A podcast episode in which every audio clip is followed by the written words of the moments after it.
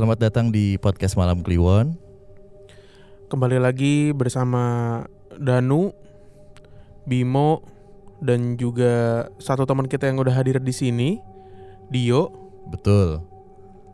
Seperti biasa, kita akan berbagi pengalaman-pengalaman mistis yang sudah dilewati Iya. oleh kita ataupun saudara, teman, dan kerabat kita lainnya. Betul. Nah, di malam ini yang tadi Dan udah bilang ada Dio juga. Mas Dio boleh suaranya mana? Halo. Nah, ini juga akan ikut nimbrung bareng kita. Jadi Betul. seperti yang kita bilang ya Nu ya. Teman-teman kalau mau ada di podcast Malam Kliwon, apalagi yang di seputaran Jakarta, lagi kosong waktunya boleh cerita-cerita bareng kita juga Betul. gitu. Nah ini kita lagi main ke tempat kerjanya Mas Dio ya. Heeh. di bilangan Pejaten. Tadi kita setup setup alat, terus juga ngobrol-ngobrol sama teman-teman yang lain di sini. Heeh. Cuman sayang eh, mereka untuk saat ini belum bisa gabung untuk membagikan ceritanya. Jadi malam ini cuma Mas Dio doang nih Betul. yang ingin berbagi. Untuk cerita pertama, eh enaknya dari siapa nih, Bim? Dari lo aja dulu. Dari gua kali ya. Kan lo tadi ada pengalaman keluarga lo yang lumayan oke tuh Iya sih. untuk dibagikan. Oke Iya. deh, dari gue ya. Heeh. Ya, jadi cerita ini tuh bukan tentang penampakan sebenarnya, bukan tentang gangguan suara atau teror-teror makhluk halus yang biasa kita baca, tapi lebih kepada apa ya sebutannya ilmu guna-guna kali ya. Oh, Heeh.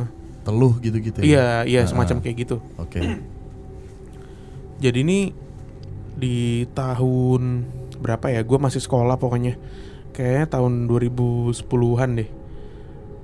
Di keluarga gua, tepatnya nenek gua almarhum sekarang udah nggak ada. Jadi alam- almarhum nenek gue ini waktu itu tuh sempet sakit. Sakitnya itu eh kurang lebih hampir seminggu deh dan kita sekeluarga udah nyoba bawa nenek gua nih ke rumah sakit ke Oke. dokter gitu ngecek segala macem dari jantung terus darah kolesterol segala macem tuh normal bim Ini oh, oke. Heeh, semuanya tuh normal Secara kedokteran udah Heeh, ya. secara medis tuh normal akhirnya setelah berembuk ya udah dibawa pulang lah eh, nenek gue ini ke rumahnya nah di situ akhirnya kita sekeluarga memutuskan ya udah coba deh bawa ke orang pintar Mm-mm. carilah ustadz gitu yang bisa nanganin karena kayaknya ini udah bukan perihal medis nih eh, gangguan yang yang gangguan yang datang akhirnya lah dipanggil lah satu ustadz dari gue lupa dari mana tepatnya. Kalau nggak salah suka bumi deh. Pokoknya dari dari Jawa Barat lah. Akhirnya datanglah tuh malam itu ke rumah nenek gua di bilangan Jagakarsa. Udah datang nah di ruang tengah itu kumpul lah beberapa anak dari nenek gua salah satunya tuh bokap gua dan nyokap gue juga ada di situ. Terus juga ada beberapa om om om gue yang lain lah. Pokoknya ngumpul di ruang keluarga itu baru tuh mau dimulai istilahnya ritualnya ya kan? Oke. mulai tuh eh, lampu pada digelapin bim. Lampu-lampu ini tuh semua dimatiin. Heeh. mulai pembacaan eh, ayat, Ayat-ayat suci, suci, eh, hmm. baca Al-Quran terus segala macam terus udah tuh tinggal ustadznya yang baca macam-macam tuh sendiri Mm-mm. Nah, sel- selesai dia baca baca-baca ayat suci itu, kemudian di loteng, di loteng rumah nenek gue ini Heeh. eh, bunyi bunyi sesuatu yang kayak dilempar gitu, Brutal. letak gitu kan. Duh, pada nengok semua tuh ke plafon kan ke atas ke loteng. Wah. Nah, si Pak Ustadz ini merintah om gue Mm-mm. untuk ngecek ke atas, ngecek ke loteng. Itu namanya om om gue nih Om Mamat ya. Hmm. Coba itu eh, mat ambil di di loteng Hmm, hmm. bawa ke sini gitu. Nah, udah akhirnya eh, om gue ini lari ngambil tangga, ngambil tangga, manjat ke loteng, dibuka dikit gitu, diraba-raba ya kan. Hmm. Akhirnya dapet lah satu kresek Oh, Oke. plastik gitu, plastik hitam. Dibawa lah tuh kan, diambil, dibawa turun, dibuka lagi ke ruang tengah. Hmm. Cerat dibuka. Wah ternyata di dalam kresek itu tuh isinya tanah bim. Hah? Tanah merah yang masih basah. Oke. Tanah merah yang masih basah gitu. Terus gue pada kaget kan. Hmm. Wah tanah dari mana nih? Hmm. Terus akhirnya dibuka. Nah ternyata nggak cuma tanah isinya, tapi juga ada satu apa ya? eh, pocong gitu bim, pocong Hah? kecil. Pocong. Kayak iya kayak kayak kayak pocong gitu ya. Oh, buat kayak boneka voodoo Ah, ah, ya? iya iya kayak Oh. boneka gitu. Ah, Pocong kecil gitu. Terus eh, dibal dibalutin sama satu kertas yang isinya tuh tulisan-tulisan huruf Arab semua tuh. Rajahan. Raja, ah, Raja. raja. Rajaan gitu. Terus eh, ada lagi satu botol kecil kayak biang parfum lu tau gak sih? Oh, tahu, tahu. kecil. iya, iya, yang iya, tutupnya iya. kalau dibuka pop gitu. Ah, ah, Hmm. ah, ah. Ada juga satu iya satu botol kecil gitu. Hah? Terus eh, dibuka lah kan sama om gua disuruh sama ustadznya coba buka mat itu. Dibuka, wah baunya bau ini bau anyir. Oh, darah Bau da- iya isinya darah Hmm, nggak taunya. Isinya darah. Terus eh si pocongnya ini, pocongan ini yang kecil itu, Ah, yang boneka itu dibuka sama pak ustadznya. ah. Nah di dalamnya tuh ternyata kayu. Boneka itu tuh eh, ini terbuatnya dari kayu Ah. Hmm. dan di kayu itu ada tulisan-tulisan pak tulisan pakai pakai pensil kayaknya deh pokoknya warna hitam gitu deh ah. itu dalam huruf Arab dan di tulisan eh ditulisnya di tulisannya itu eh, nama nenek gua Wah, gila. terus ya udah tuh akhirnya keluarga gua kayak wah ternyata selama ini nenek gua kena guna-guna nih kena teluh nih Berapa lama? Berapa lama nenek lo? hampir seminggu deh kalau nggak salah pokoknya eh, awalnya tuh cuman ngeluh nggak enak-enak badan ah. Kan kalau orang sini bilangnya ah udah tua biasa itu mah Ah. sakit-sakit Ah, ah. nah terus akhirnya cuman bisa tiduran Oke. Hmm. nggak bisa komunikasi Oke. Nggak bisa ngomong gitu. nggak bisa ngomong melek juga nggak bisa yo cuma nafas gitu jadi Wah, gila. kayak apa ya kayak Kayak ko- koma. ya berarti Iya, Iya, kayak koma. kayak koma kayak gitu ya udah akhirnya eh, bungkusan itu sama po- pocongan itu kertas raja terus Hmm. Botol kecil Darah. tadi yang isinya darah itu dibawalah sama Pak Ustadz itu dan Pak Ustadz itu harus ninggalin kota kota harus ninggalin, ninggalin Jakarta malam itu juga Oke. gue nggak tahu sih alasannya apa pokoknya kata dia ketika lo bawa ini Ah. itu tuh jin-jin suruhan si dukun itu bakal nyerang lo karena lo udah ngang- udah ngambil eh kirimannya dia. Oh. itu bakal neror lu bakal ngikutin segala macem. Akhirnya dia harus cabut tuh malam itu juga. Dia cabut dari rumah nenek gue tuh jam berapa ya? Pokoknya lewat tengah malam lah. Naik Ke mana? naik elf gitu. Gue lupa kalau nggak salah Sukabumi deh. Pokoknya Oh. daerah Jawa Barat lah. Gitu akhirnya cabut. Nah besok paginya nenek gue udah bisa komunikasi lagi. Bahkan udah bisa jalan. Sehat lagi tuh. Heeh. Oh, bisa gitu ya. iya Oke. cuman kayak apa pegel-pegel nih Jan gitu-gitu udah udah bisa komunikasi lagi gitu Itu tapi bisa dicari nggak ya sama Pak Ustadznya siapa yang ngirim? bisa Kal- kalau kata dia sih Gak usah tahu lah ya. eh, eh, se- sebenarnya dikasih apa ya dikasih spoiler kali ya Ah. dibilang kalau oh ini yang dendam karena perkara ini gitu Oh. jadi Tahu orangnya gitu eh, ya. tahu perkaranya perkara kalau nggak salah perkara warisan deh masih, lu- oh, nggak masih keluarga dong. Iya keluarga Oh. jauh gitu Keluarga tuh ya. Tapi hardcore juga ya maksudnya ada tanah, tanah kuburan kan? Mm, tanah kuburan Apakah- masih basah cuy tanahnya cuy Apakah si yang tadi dikirim itu, yang jatuh letak itu terus dibuka, itu syarat yang dilakuin sama yang pengen ngirim telur itu ya? Kan biasanya ada tuh lo ambil tuh eh, tanah kuburan. Iya benar-benar. Ya kan? Biasanya syarat-syaratnya gitu ya. darah ayam misalnya kayak gitu kan, atau darah burung gitu, terus lo pokoknya bikin pocongan nama siapa yang yang mau dikirim. Siapa yang mau ditargetin ya kan? Nah si rajahannya mungkin si dukunnya, rajahan dukunnya, Iya, ya. yang yang nulis-nulis tuh dukunnya itu. Dan apa namanya?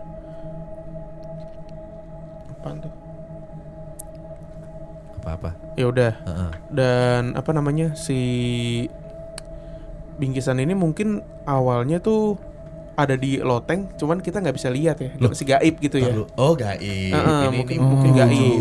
Terus kemudian diwujudkan gitu, diwujud. Makanya bunyi ya. Heeh, makanya bunyi. dek gitu bunyi dia. karena karena kan mungkin ada beberapa yang eh, ngirim ngi- kayak gitu harus ditaruh di rumahnya tuh. Gimana entah di halamannya. di halaman gitu kan. Cuman kalau di loteng kan nggak make sense. Masa Iya ya kayak sih. maling. Iya. Mm-mm. Ya intinya gitulah Iya iya iya. cerita dari nenek gue. Wah, oke juga ya. Udah itu. Pasti nih teman-teman yang pernah bersinggungan sama dunia teluh atau santet juga bisa relate ya. Heeh. Kayak tadi yang Bimo bilang kalau syarat-syaratnya salah satunya tuh itu heeh. Tanah kuburan sih Tanah itu- itu kuburan. sering banget. yang common ya. Yang common tuh tanah kuburan. Biasanya telur. Apa Rambut telur? sih, Ah, rambut ya, rambut rambut, sama iya. foto ya. Rambut tuh foto Oh, udah iya, pasti. iya. Kalau nggak rambut foto nama tuh. Kan tadi ada nama nenek lo kan. Iya, ditulisin pakai pensil. Tapi bentar nenek lo masih ada no sekarang. udah nggak ada. Oh, udah nggak ada, Ah, ya udah udah. nggak ada. Tapi setelah itu udah seger aja ya. Ceger cuy. Besoknya beneran langsung bisa komunikasi. Gila. emang Langsung bisa ngobrol lagi kayak biasa. Itulah. gawat. Heeh. Gimana ya mau nggak percaya tapi Tapi ah, real. akhirnya kan? sembuh. Iya, dikasih lihat ya. Iya, akhirnya sembuh gitu. I- Oke. gitu deh. Oke, Oke, itu oke. cerita pertama dari gua. Cerita kedua mungkin dari gue ya. Nanti baru cerita Mas Dio yang lumayan agak eh serem sih kalau dibilang. Iya. Hari gini eh, di Jakarta Di Jakarta tahun loh. 2000-an real nyata gitu. Tapi nanti ya Mas Nanti, Dio ya. oke. Nih Mas gua Bimo dulu ya. gue jadi inget cerita pengal ini pengalaman gue pribadi sih pengalaman gue pribadi yang sebenarnya ini juga common terjadi eh, tentang pesan Oh, pesan-pesan gaib. Hmm. pesan gaib jadi ceritanya tuh gue sama eh, istri gue Hmm. itu gue sering banget makan kerak telur itu makanan favorit gue berdua sih sebenarnya Hmm. Nah, gue itu punya lengganan kerak telur. Ini gue sekalian mungkin teman-teman yang di Jakarta yang eh yang tahu di daerah Jakarta Pusat Menteng Mm-mm. Oh. di depan Taman Menteng tuh ada Hero di sebelahnya Gandistik tuh. Mm-mm. Ah, sebelah Gandhi. Nah, nah di depannya di depannya si Gandistik tuh dulu ada tukang kerak telur setiap malam. Nah di situ tuh situ. langganan gua, Hmm. babe-babe. Udah, jadi singkat cerita, gua waktu itu ke PRJ, istri gua lagi hamil lah waktu itu. PRJ, jalan-jalan, jalan-jalan, terus makan kerak telur. Hmm. Nah, kerak telurnya karena kita udah biasanya standar si kerak telur babe itu kayak kurang kan. Nggak puas. Nggak puas itu. lah. Ah. Namanya juga di PRJ kan banyak tuh yang jual kan. Mm-mm. Nah akhirnya pulang dari situ udahlah kita mampir ke Menteng aja gitu ya udah kita mampir ke Menteng. Set mampir ke Menteng. Eh ada tuh jualan si babenya. Nah pas gue lagi mesen gitu ceritain lah bla bla bla. Biasalah kerap. Mm-mm. dari mana nih? Gitu. Dari PRJ be ah nggak enak kerak telurnya ada buatin yang biasa deh gitu. Mm-mm. oh iya iya bentar ya gitu. Biasa lah gue udah banyak pesanan ada tambah bawang gitu gitu sambil gue makan si babe ini bilang Mm. lain kali makanya kalau ke PRJ makan di gapura. Dia bilang kayak gitu. Di bawahnya gapura. Mm-mm. di pintu apa? Gue lupa lah di pintu apa. Hmm. nanti yang jual itu ada yang ladenin cewek. Gitu. Mm. yang ladenin cewek. Yang masak cowok. Oke. nah itu tempat anak saya. Oh gitu. Kan Hmm. gue lah sambil makan kan. Ah babe gak bilang ya udah deh next aja ya be ya gitu. Tahun depan kali ah gitu. Gue bercanda dong. Mm-mm. ya orang bisa ke PRJ Masa ke PRJ lagi kan? PRJ Ah, lagi. terus? oh udah ya pokoknya gitu deh. Udah. Eh di empat hari atau lima hari kemudian gue lupa ya. Lima hari lah gue lupa tuh. Lima hari kemudian adik-adiknya istri gue ini belum ke PRJ ceritanya di tahun itu. Belum ke PRJ jadi minta ke PRJ Oke. jadilah gue istri gue dan tiga adiknya istri gue tuh ke PRJ lagi. Hmm. ya kan? Ke PRJ lagi lalalili lalalili pengen makan kerak telur dong. Iya. pengen makan kerak telur gue belilah nih kerak telur. Saat makan deng kok enak ya kerak telurnya ya? Mm-mm. itu rasanya sama nih yang biasa dimakan di menteng gitu kan. Iya. terus gue bilang sama istri gue rasanya mirip banget ya kayak di menteng ya? Gitu. Hmm. terus gue gue tanya nih sama yang jual. Yang jual tuh mas mas kayak gitu. Mas buka cabang di mana nih? Gitu kan. Mm-mm. oh enggak kok emang jualan di sini aja. Enggak rasanya sama banget kayak yang di menteng. Mm-mm. kayak gitu kan. Terus lo tau nggak mas masnya sambil masak nangis nu eh merinding gue Hmm. kalau ceritain lagi nangis terus oh itu tempat bapak saya gitu Mm. hah terus kan gue kaget ya terus gue ngeliat gue tuh duduk di bawah yang kayak ini loh besi-besi rigging gapura PRJ Iya. gitu Oh, ya. iya, tahu, Ah, tahu, tahu. kayak gitu-gitu Hmm. hah terus yang ngeladenin istrinya Oh persis sama yang dibilang Dia sama bapak-bapak itu bapaknya, ya. Oh. gitu oh kenapa pak Eh gue bilang gitu kan kenapa Hmm. bang iya itu bapak saya oh astaga akhirnya ketemu ya ke sini Hmm. padahal kan yang jual kerak telur banyak di sini terus iya kemarin soalnya dipesan bapak kalau ke PRJ lagi entah kapan Hmm. kita harus ke ke Gapura. sini ke Gapura segala macam oh terus dia nangis loh istrinya bilang Hmm. bapak tiga hari yang lalu meninggal Innalillahi. Wah, asli merinding gua. diserempet jadi pulang tuh dia naik sepeda sepeda listrik gitu Heeh. baru dibeliin biasanya si babe itu pulang naik kopaja ke daerah Jagakarsa Hmm. Ka- at- apa di makamnya di kampung kandang ya ada ya Iya, Ya, iya di situ lah rumahnya nah pas hari itu baru dibeliin tuh sepeda sepeda motor gitu sepeda motor listrik gitu loh Iya sepeda listrik. diserempet tobrak lari wah Habis jualan tuh ya. adanya gue merinding dong Hmm. terus kayak yang gue nggak bisa apa-apa dong gue langsung Uh, udah nangis jadi-jadinya Eh. terus yang makan di situ langsung pada bingung. Terus yang ya Allah kayak gitu-gitu. Yang istrinya juga nangis adiknya juga ada. Itu kan keluarganya kan kayak keluarga gitu nangis. Iya babi baru tiga hari yang lalu. Itu malam eh besokannya si babenya meninggal ternyata pas habis gue ke sana Mm-mm. kayak gitu. Oh. Kayak gitu. Terus abis itu Kayak- gue yang wah merinding seadanya. Dan ternyata si emasnya ini lagi bingung. Lagi bingung mau nerusin usaha bapaknya atau dia nggak mau dagang kerak telur. Langsung istrinya di situ ada kakaknya atau segala macam. Gue lupa namanya sebut aja Ali kali ya. Hmm. Li, Li, ini pesen babe lo, Li sambil nangis tuh. Hmm. lu terusin apa namanya lu terusin Hmm. usaha babe lo segala macem gitu-gitu. Langsung kayak gitu-gitu karena langganannya banyak nu di menteng ini ternyata si babenya Iya dan salah satu yang gue nyampein pesan tuh lu ya. Oh iya. itu gue langsung yang wah dia sambil masak nangis udah deh stop dulu deh oh, orang-orang langsung ngeliatin dong Hmm.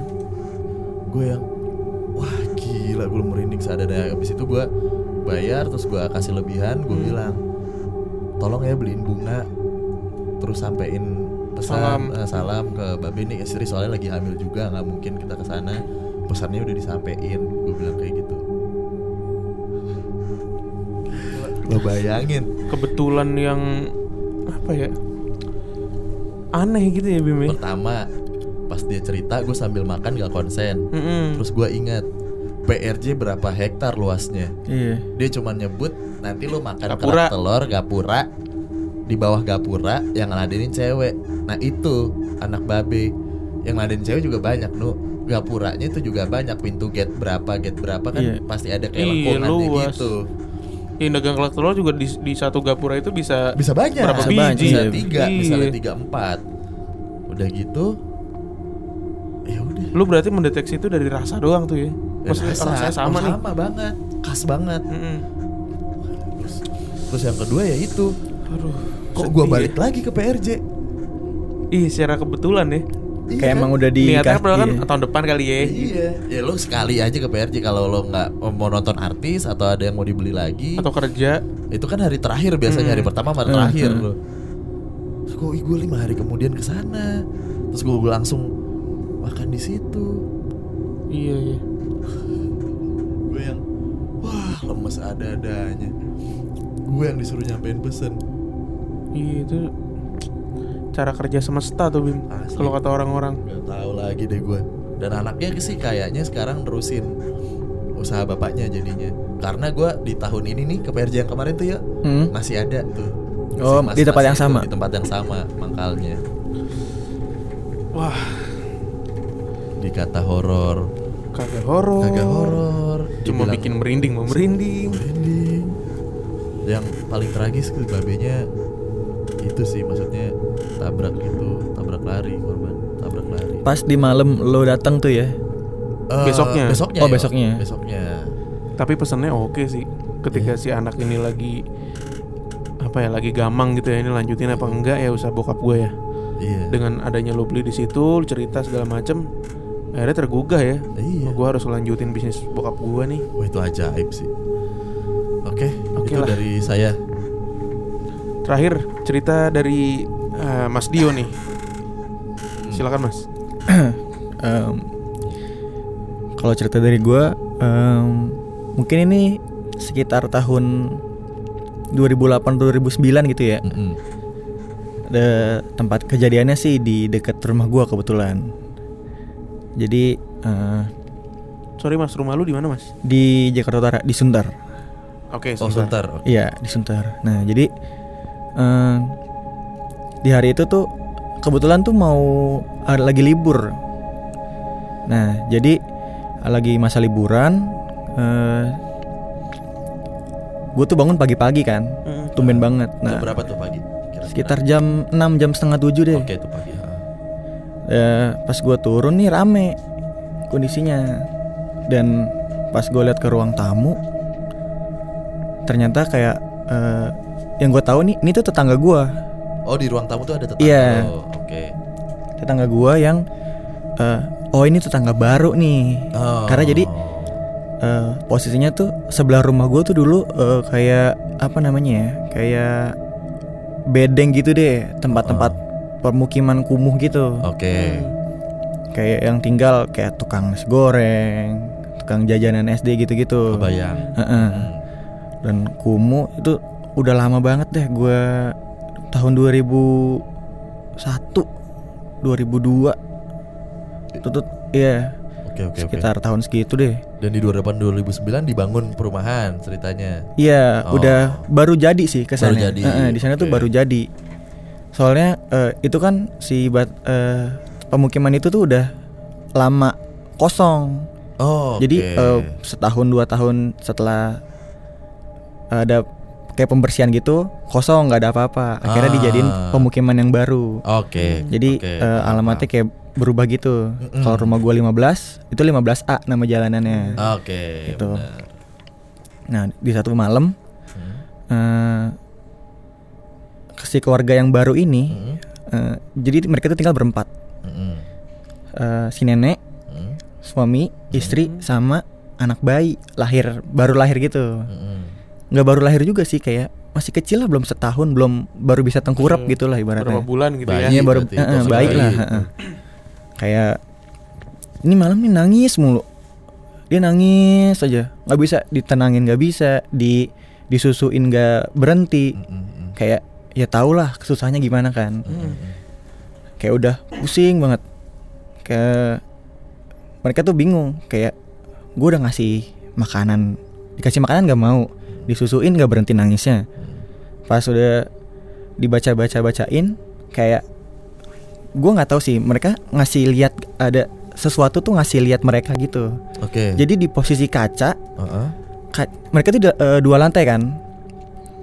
Ah. Rumahnya dua lantai. Eh, rumahnya dua lantai dan di atas itu nggak ada teras Oh iya, kebayang. Jadi langsung jendela. Eh, eh, jadi Ah. jendela nah jendelanya lumayan gede nih kayak sekitar 2 meter lah Aduh. jadi kayak yang rumah yang apa sih kayak buat pencahayaan gitu loh. Heeh, heeh, heeh.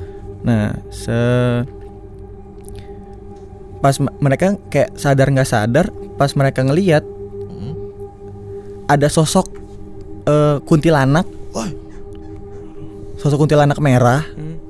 eh, cakarnya panjang. Ini dia nyeritain detail banget sih.